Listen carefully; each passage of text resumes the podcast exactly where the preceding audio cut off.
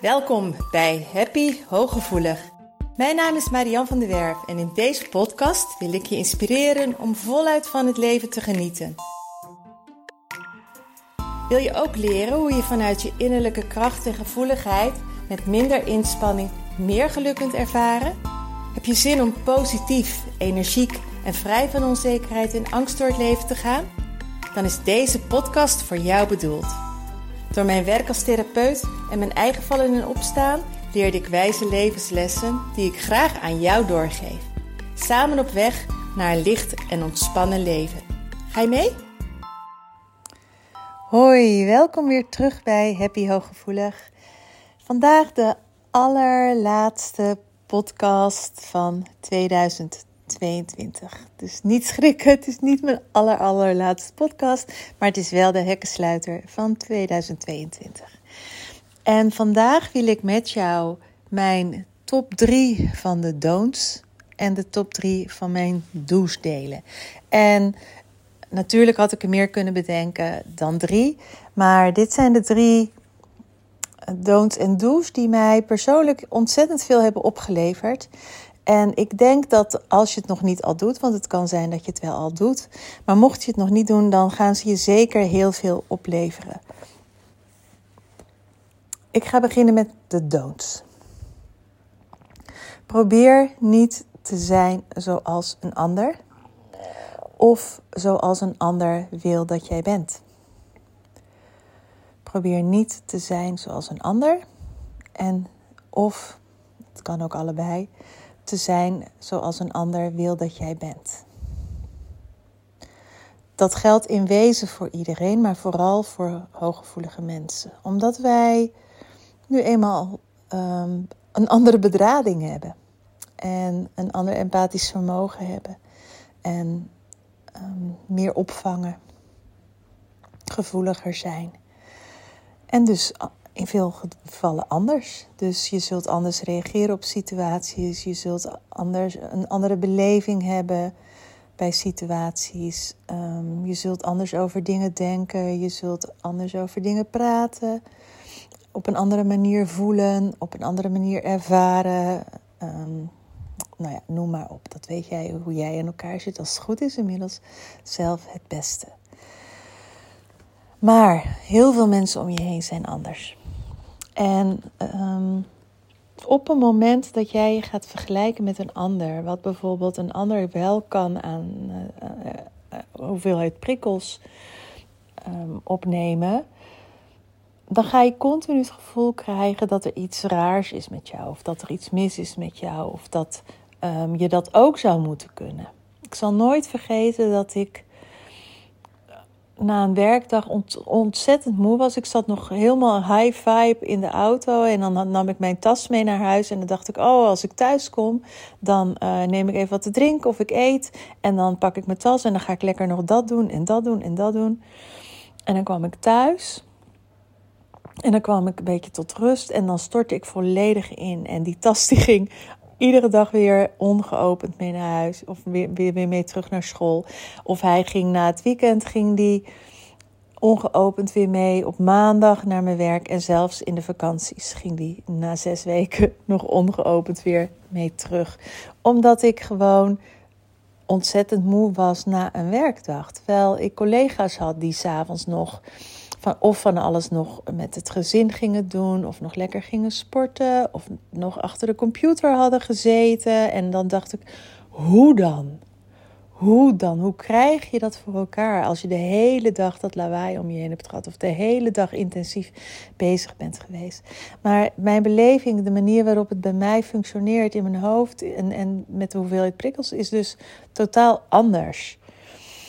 Um, en zolang ik me bleef vergelijken, had ik altijd het idee dat ik tekortschoot. Of dat ik um, slap was. Of dat ik wat strenger voor mezelf moest zijn. Of dat ik wat meer moest volhouden. Wat meer moest doordouwen. Dat ik, nou ja, noem het maar op. Ik denk dat je dat heel erg herkent. Dat je dan het gevoel krijgt dat jij um, ja, een softie bent of zo. Of niet genoeg toevoegt of niet genoeg doet.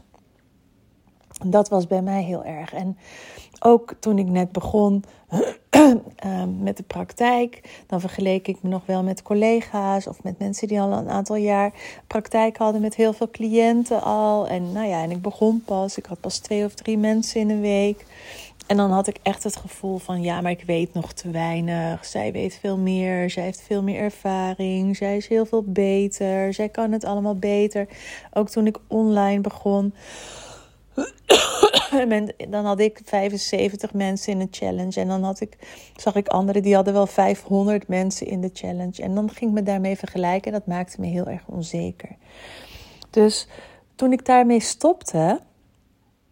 En gewoon veel meer ging focussen op mij. En op wat, wat wel al lukte. En de stappen die ik zette. En waar ik wel goed, waar ik goed in was. En hoe het voor mij functioneert. En wat voor mij werkbaar is. En wat goed is voor mij.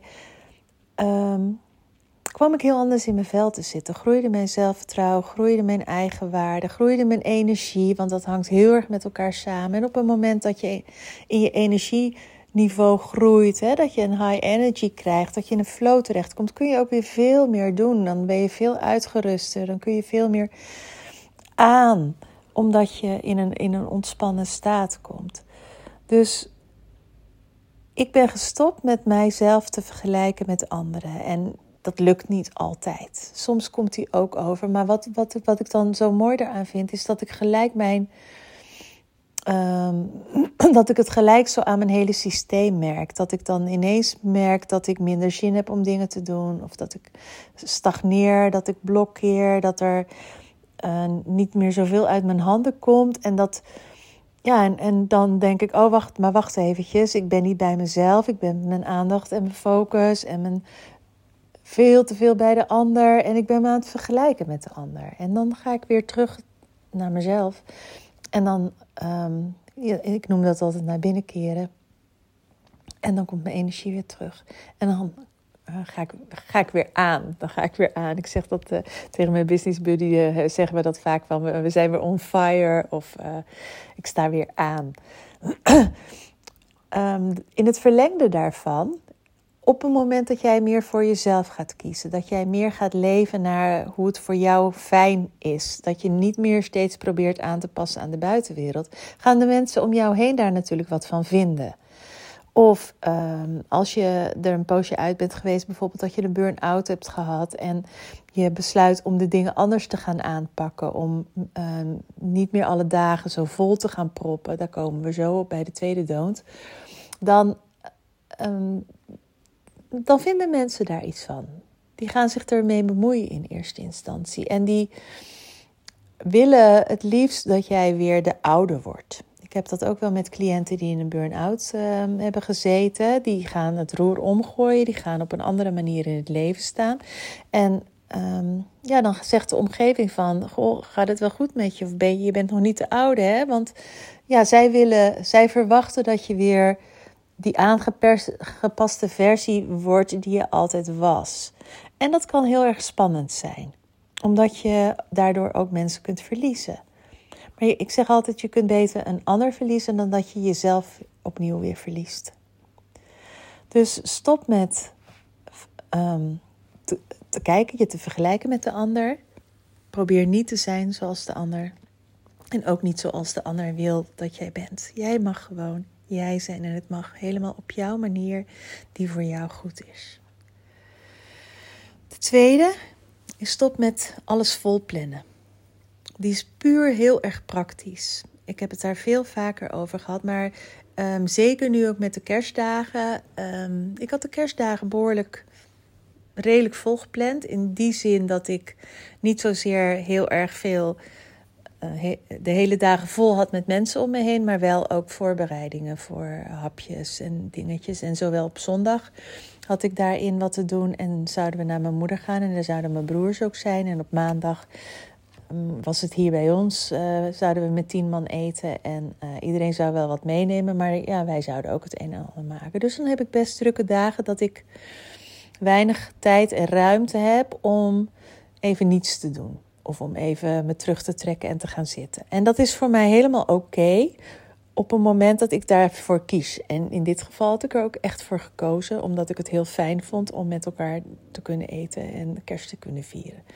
Maar dan weet ik ook dat ik na die paar dagen even echt moe ben en even niemand wil zien. Dus de dagen daarna hebben we bewust ook heel rustig gehouden. En het is nu woensdag als ik deze podcast opneem. We hadden tegen elkaar gezegd, Marco en ik, van zullen we een dagje naar Antwerpen gaan op woensdag? Want het kwam goed uit met degene die ook bij de paarden altijd is.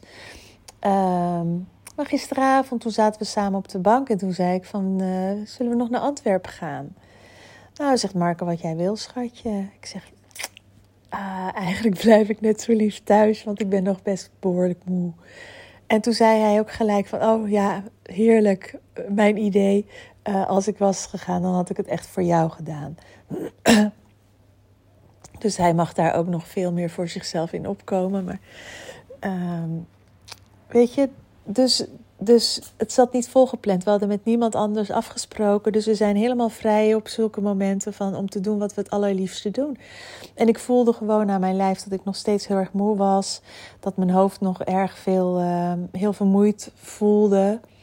Dus we zijn lekker thuis gebleven. En ik probeer dat ook zoveel mogelijk sowieso met de weekenden doen. We hebben eigenlijk zelden en een zaterdag en een zondag iets. Um, ik heb nog steeds waar ik echt aan vasthoud mijn Mariandag. Ook al is mijn week nog zo vol en ehm, ik ben geen cliënt op mijn Mariandag. En dan zul je misschien zeggen van nou ja, één of twee. Maar voor mij voelt dat gewoon niet goed. De Mariandag is echt een totaal andere dag in mijn, voor mijn gevoel. Omdat ik dan wel lekker bezig ben. Maar uh, helemaal, helemaal bij, met mij bezig ben. En dat is in wezen non-negotiable. Daar ga ik niet over onderhandelen. Tenzij ik de hele vrijdag nog vrij heb. En ik hem af en toe, als het echt handig is, wissel. Maar dan is het handig voor mij. niet voor de ander.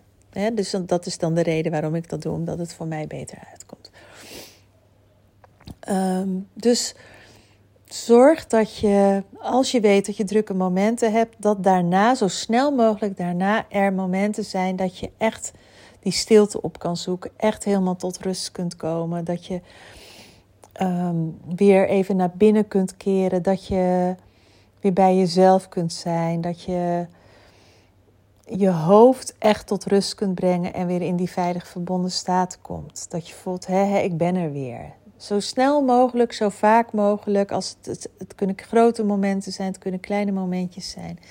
En als je voelt dat je bijvoorbeeld een afspraak hebt met een vriendin of met een collega, uh, met kennissen, met familie. En je voelt van dit is too much. Ik heb die ontprikkeltijd gewoon nu nodig. Het gaat niet dan gaat het dus niet. En dat is ook dat je dan niet bent zoals de ander van jou verwacht, maar dat jij mag zeggen: ehm, Het lukt me nu niet. En dan kom ik tegelijk bij de derde. Oh nee, dat zit bij. Ja, dat. Um, nee, die komt zo meteen bij de douche. Ik ga eerst naar de derde dood, want anders gaat het te veel door elkaar. De derde dood is stop met alsmaar denken en altijd in je hoofd bezig zijn. Het klinkt bijna paradoxaal, want wij kunnen ongelooflijk veel voelen, maar we voelen vooral van de ander. Maar voelen wat wij nodig hebben, voelen wat jij nodig hebt, voelen hoe het met jou gaat, hoe het echt met jou gaat, voelen wat je het allerliefste wilt, voelen wat je nodig hebt. Dat schiet er over het algemeen mee in, omdat je geleerd hebt om alles te beredeneren en in je hoofd te zijn. Ehm, en er gebeurt ook zoveel in ons hoofd. We vangen zoveel op met ons hoofd. Dus we willen ook alles een plek geven en we willen alles beredeneren en we willen alles verklaren en we willen alles op een rijtje hebben. En um, overthinking, overthinking is iets waardoor je ongelooflijk overprikkeld raakt. En het is ook een hele mooie manier dus om bij je gevoel weg te blijven. om zelf niet te voelen misschien dat je helemaal niet zo gelukkig bent. Of dat je het op die manier helemaal niet wilt. En als je dan maar blijft denken en probeert een oplossing te bedenken en het uh, zorgt dat iedereen het naar de zin heeft, als je dat allemaal maar kan beredeneren, als je er maar lang genoeg mee bezig bent, als je er lang genoeg maar over nadenkt, dan zal je wel bij de oplossing komen. Nou, en dat gebeurt dus niet. Want hoe meer je piekert, hoe meer je in een automatisch kringetje rond blijft draaien, hoe minder de oplossing zich aandient.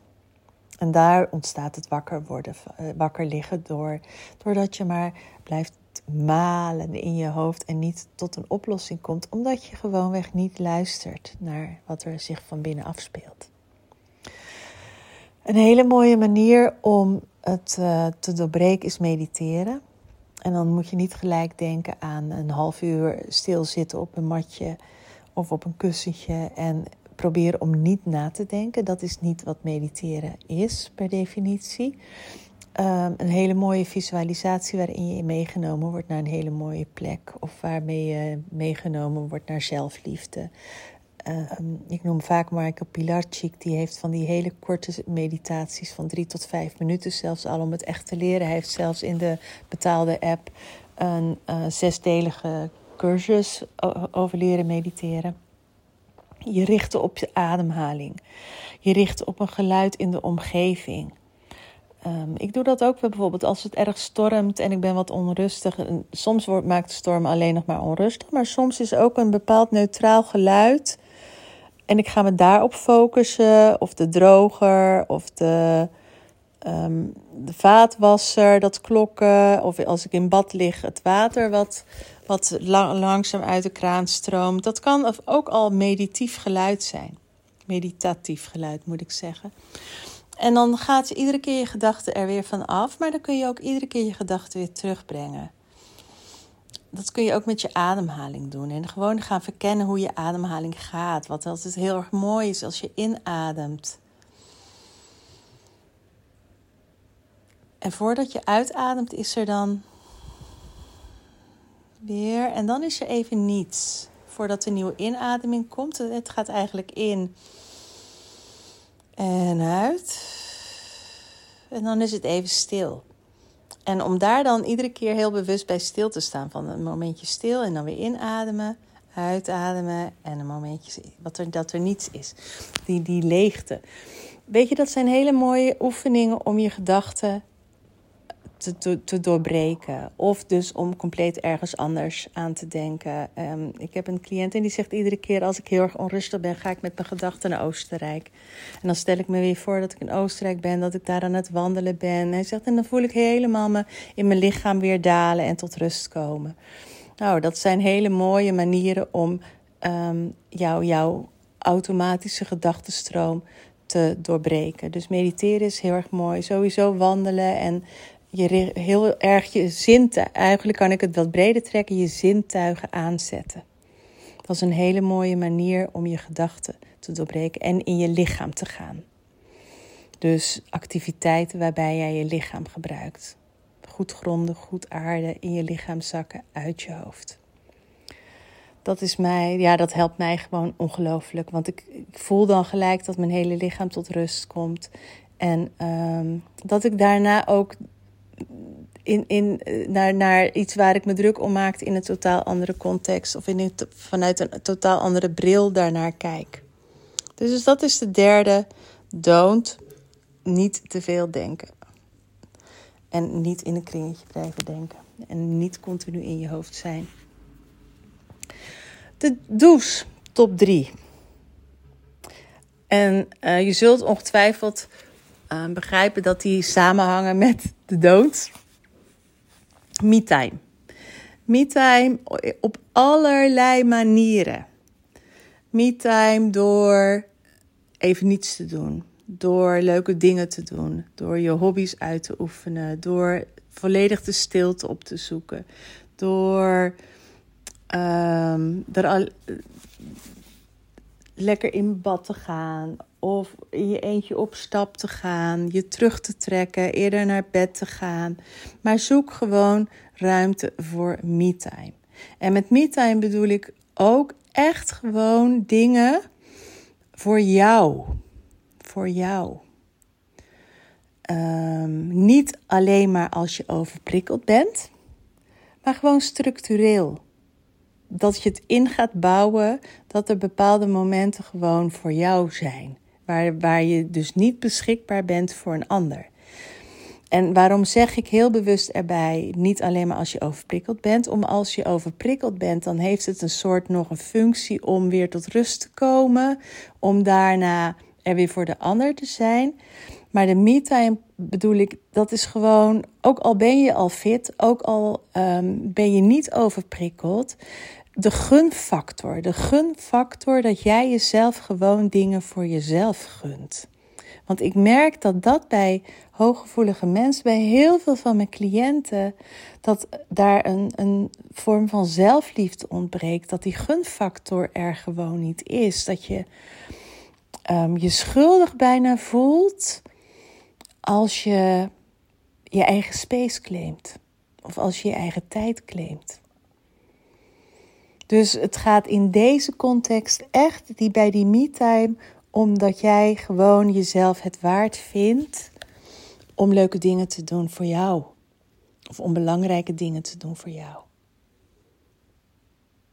En dat gaat nog een stap verder dan de rust opzoeken, dat ik zei bij de don'ts, niet te vol plannen. Het gaat echt om zelfliefde. Dat jij jezelf gewoon leuke dingen, fijne dingen, mooie dingen gunt. Dus in die context kun je me-time vergelijken met hou van jezelf. Heb jezelf lief. Wees lief voor jezelf. Gun jezelf en vind jezelf waardevol. Dus in die context moet je de me-time ook plaatsen. De tweede, voelen. Wat ik er net al zei, um, volg je intuïtie, volg je innerlijke stem. Ga voelen wat je nodig hebt. Keer naar binnen. Als, als er onrust is, is er altijd een strijd tussen je hoofd en je buik. En um, dan heb je de neiging om het heel erg aan de buitenkant te willen oplossen.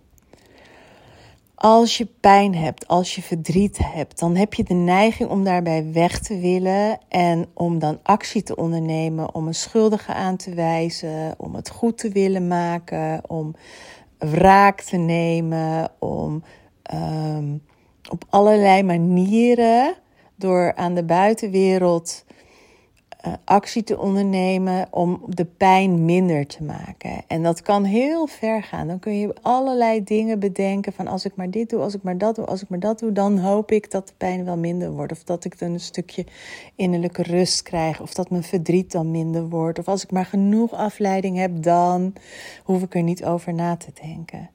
Maar je krijgt hem altijd terug. Zolang je niet voelt wat er is. Emoties zijn je thermometer. Emoties vertellen je wat er bij jou van binnen gaande is. En die kun je niet oplossen aan de buitenkant. Die kun je alleen maar oplossen door ze ruimte te geven, door ze te ervaren, door ze te laten zijn, door ze aandacht te geven, waardoor ze daarna weer rustig afnemen. Een, een primaire emotie die verdwijnt over het algemeen na 10 minuten tot een half uur. En dan voel je daarna opluchting. Een secundaire emotie, bijvoorbeeld als je boos bent en je blijft dagen, weken boos en gefrustreerd, dan komt dat omdat de emotie die eigenlijk daaronder zit, ehm, die ben je aan het camoufleren, die ben je aan het tegenhouden. En meestal is dat verdriet die eronder zit. Dus hoe eerder je bij de primaire emotie komt, hoe eerder je daar ruimte aan geeft en daar aandacht aan besteedt, hoe eerder, hoe milder die, hoe sneller die ook mild wordt. Maar dat doet gewoon dan pijn, weet je. En, en dat is ook. het is. Um, we willen er, het is logisch dat we erbij weg willen, hè? dat we willen vechten of vluchten ertegen. Maar um, het lost niet op, want hij blijft zich aandienen, net zolang totdat jij er aandacht aan hebt besteed. Maar leer ook voelen wat je nodig hebt. Leer ook gewoon voelen wat voor jou het beste is. En um, ik doe dat nogal eens met briefjes als ik het even niet weet. Dan leg ik twee briefjes neer, omdat het voelen vaak veel sneller, dat reageert veel sneller. Dat is ook altijd zo mooi met paarden. Paarden laten heel snel de, de onderliggende emotie of de onderliggende um, wat er speelt zien. In je, onderbe wat in, de, in je onbewustzijn is. Maar dat kan met briefjes ook. Als ik bijvoorbeeld, uh, moet ik iets wel doen, moet ik iets niet doen. En ik leg briefjes neer en ik keer hem om. Dan is er in een hele korte in bijna secondenwerk is er een reactie van of van hey, ja, fijn, of huh, ik hoopte op die ander. En dan heb ik altijd mijn antwoord. En um, belangrijke beslissingen kun je niet alleen maar met je hoofd nemen. Daar heb je je gevoel gewoon mee nodig. Je kunt uh, niet alleen maar iets bedenken. Je kunt niet bedenken of een partner goed voor je is. Je kunt niet alleen maar bedenken of de baan goed voor je is. Ik sprak pas een collega en die vertelde zo mooi. Um, toen hadden we het over, over uh, luisteren naar je inner being. En toen hadden we het over een baan die ze ooit aangenomen had. En toen zei ze van, als ik er nu aan terugdenk, weet ik nog dat ik daar binnen stapte. En dacht, ah, nee. En ze zegt, toen heb ik toch die baan genomen. Omdat mijn hoofd zei, ja, maar dit en dat. En je moet het de kans geven. Ze zegt, ik heb het er nooit naar mijn zin gehad. Dat, uh, nee, dat klopte precies. En dat werkt veel sneller als je gedachtegang. Dus hoe meer je luistert naar de eerste ingevingen, heb je het eigenlijk altijd bij het rechte eind. Want dan heeft zelfs angst nog geen kans. Want angst is meestal een reactie van je hoofd. Is meestal een, een reactie op een gedachtegang. Dus dat is de tweede. En de derde, de laatste tip voor dit jaar, is neem jezelf serieus. Dat wil niet zeggen dat je altijd um, gelijk hebt. Of dat je altijd er ook naar moet handelen. Maar neem jezelf altijd serieus. Ook al komt het niet uit, ook al ben je er niet blij mee.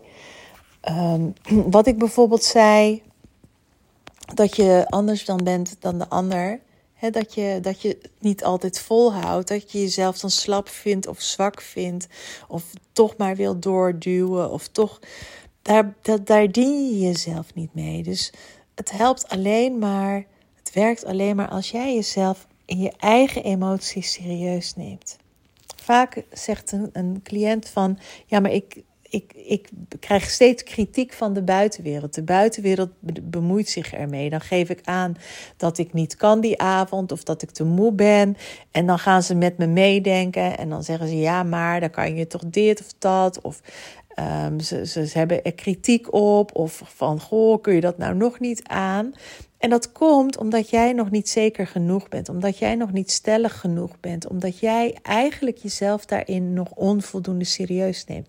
En zolang jij jezelf nog niet voldoende serieus neemt, blijft de kritiek van de buitenwereld komen. Omdat je niet krachtig genoeg nog gaat staan voor wie jij bent en voor hoe jij het wilt. En ook al komen de dingen niet uit en zou je ze liever anders willen hebben gehad of wat dan ook. Of je vindt een bepaalde eigenschap van jezelf niet zo leuk, dan nog neem hem serieus. Je voelt nu eenmaal wat je voelt. Ik had laatst een heel mooi gesprek over tekenfilms of over films dat, dat, dat ik um, zelfs tekenfilms vaak nog te zielig vind dat ik daar dan gewoon niet naar kijk. En ook films van, van 16 jaar en ouder, die vind ik vaak te vreed of te eng of te spannend of wat dan ook. Ja, en dan kun je denken, wat een mietje. Um, en soms denk ik wel eens van, ja, moet ik er nou niet gewoon naar kijken? Of moet ik daar nu niet wat harder in worden? Nee, het is wat het is. Ik ben gewoon zo'n softie. En ik zit bij heel veel films te huilen. En bij reclames kan ik al ontroerd raken. En bij kleine filmpjes op, op, op Instagram kan ik ontroerd raken. Bij een hele, hele subtiele emotie die zichtbaar is in een gezicht kan ik ontroerd raken. Ja, nou ja, dat is de aard van beestjes. Zo zit ik in elkaar. En dat neem ik serieus. Dus dat was de laatste. Ik zal ze nog één keer herhalen. Probeer niet te zijn zoals de ander of hoe de ander wil dat je bent. Stop met alles maar vol plannen. En stop met te veel denken. Dus in je hoofd Dus niet te veel denken, niet te veel in je hoofd altijd maar bezig zijn. En de douche. Zorg voor me-time in de context van de gunfactor. En het jezelf waardevol vinden voor. Volg je intuïtie en ga naar je gevoel toe. Los het niet op aan de buitenwereld, maar eerst voelen. En neem jezelf ten alle tijden serieus. En dat mag ook wel eens met een beetje humor. Hè? Als ik bijvoorbeeld merk dat ik mijn innerlijke criticus weer heel erg tegenkom of weer onzeker ben, dan zeg ik ook wel eens van: oh oh, daar ga ik weer. Ben ik er nou nog niet? Heb ik het nou nog niet geleerd? En dan, dan doe ik het een beetje met wat humor. Maar ik neem het wel serieus, want het mag er op dat moment wel zijn. En de andere keer ben ik juist weer heel erg liefdevol. En de andere keer merk ik dat ik een beetje aan het mopperen ben. En dan zeg ik van ja, nou ja, mopperen mag ook, Marjan. Uh, want het is ook niet altijd leuk, maar het is wat het is. Ik eindig altijd met het is wat het is en het is oké. En daar wil ik jou uh, een hele mooie, misschien hoor je hem pas in het nieuwe jaar. Maar of uh, een heel mooi oud en nieuw wensen. Of je dus ook een waanzinnig mooi, fijn 2023 wensen. Een jaar waarbij ik hoop dat er heel veel liefde zal zijn in je en rondom je. Dat je heel veel zelfliefde zult ervaren. Dat je het op jouw manier gaat doen. Dat je gaat luisteren of, of luistert naar je inner being. Want die is prachtig, die schittert, die mag stralen. Um, die is liefde, die is licht, die is vuur, die is flow, die is puur, zuiver, krachtig, noem het maar op. Uh, en ik hoop je natuurlijk echt ook volgend jaar weer tegen te komen. Dat je weer luistert naar mijn podcast. Misschien op een andere manier. Misschien als ik de Voel Je Vrijweek weer ga doen. Of hier een keer. Of in de Pipo-wagen. Of met alignment. Um, in, in een gewone sessie, in een review, in een uh, persoonlijk berichtje, uh, op, noem het maar op. Um, op, op de een of andere manier zijn we hopelijk volgend jaar ook weer in verbinding met elkaar. Al is het maar via deze podcast. Dus ik wens je een heel mooie jaarwisseling als je het voor die tijd toch luistert. En anders alvast een heel gelukkig 2023. Een gelukkig nieuwjaar. Doeg! Dank dat je luisterde naar Happy Hooggevoelig. Heeft deze podcast je nieuwe inzichten gegeven? Je doet me groot plezier met een recensie op Apple Podcast. Je kunt je natuurlijk ook abonneren op dit kanaal in jouw favoriete podcast-app. Want elke week staat er een nieuwe aflevering voor jou klaar. En wil je nu zelf aan de slag en meer lichtheid ervaren? Sta je open voor nieuwe inzichten en verandering? Neem dan vooral eens een kijkje op mijn website www.zienswijs.nl. Daar help ik je graag nog verder. Zie ik je daar?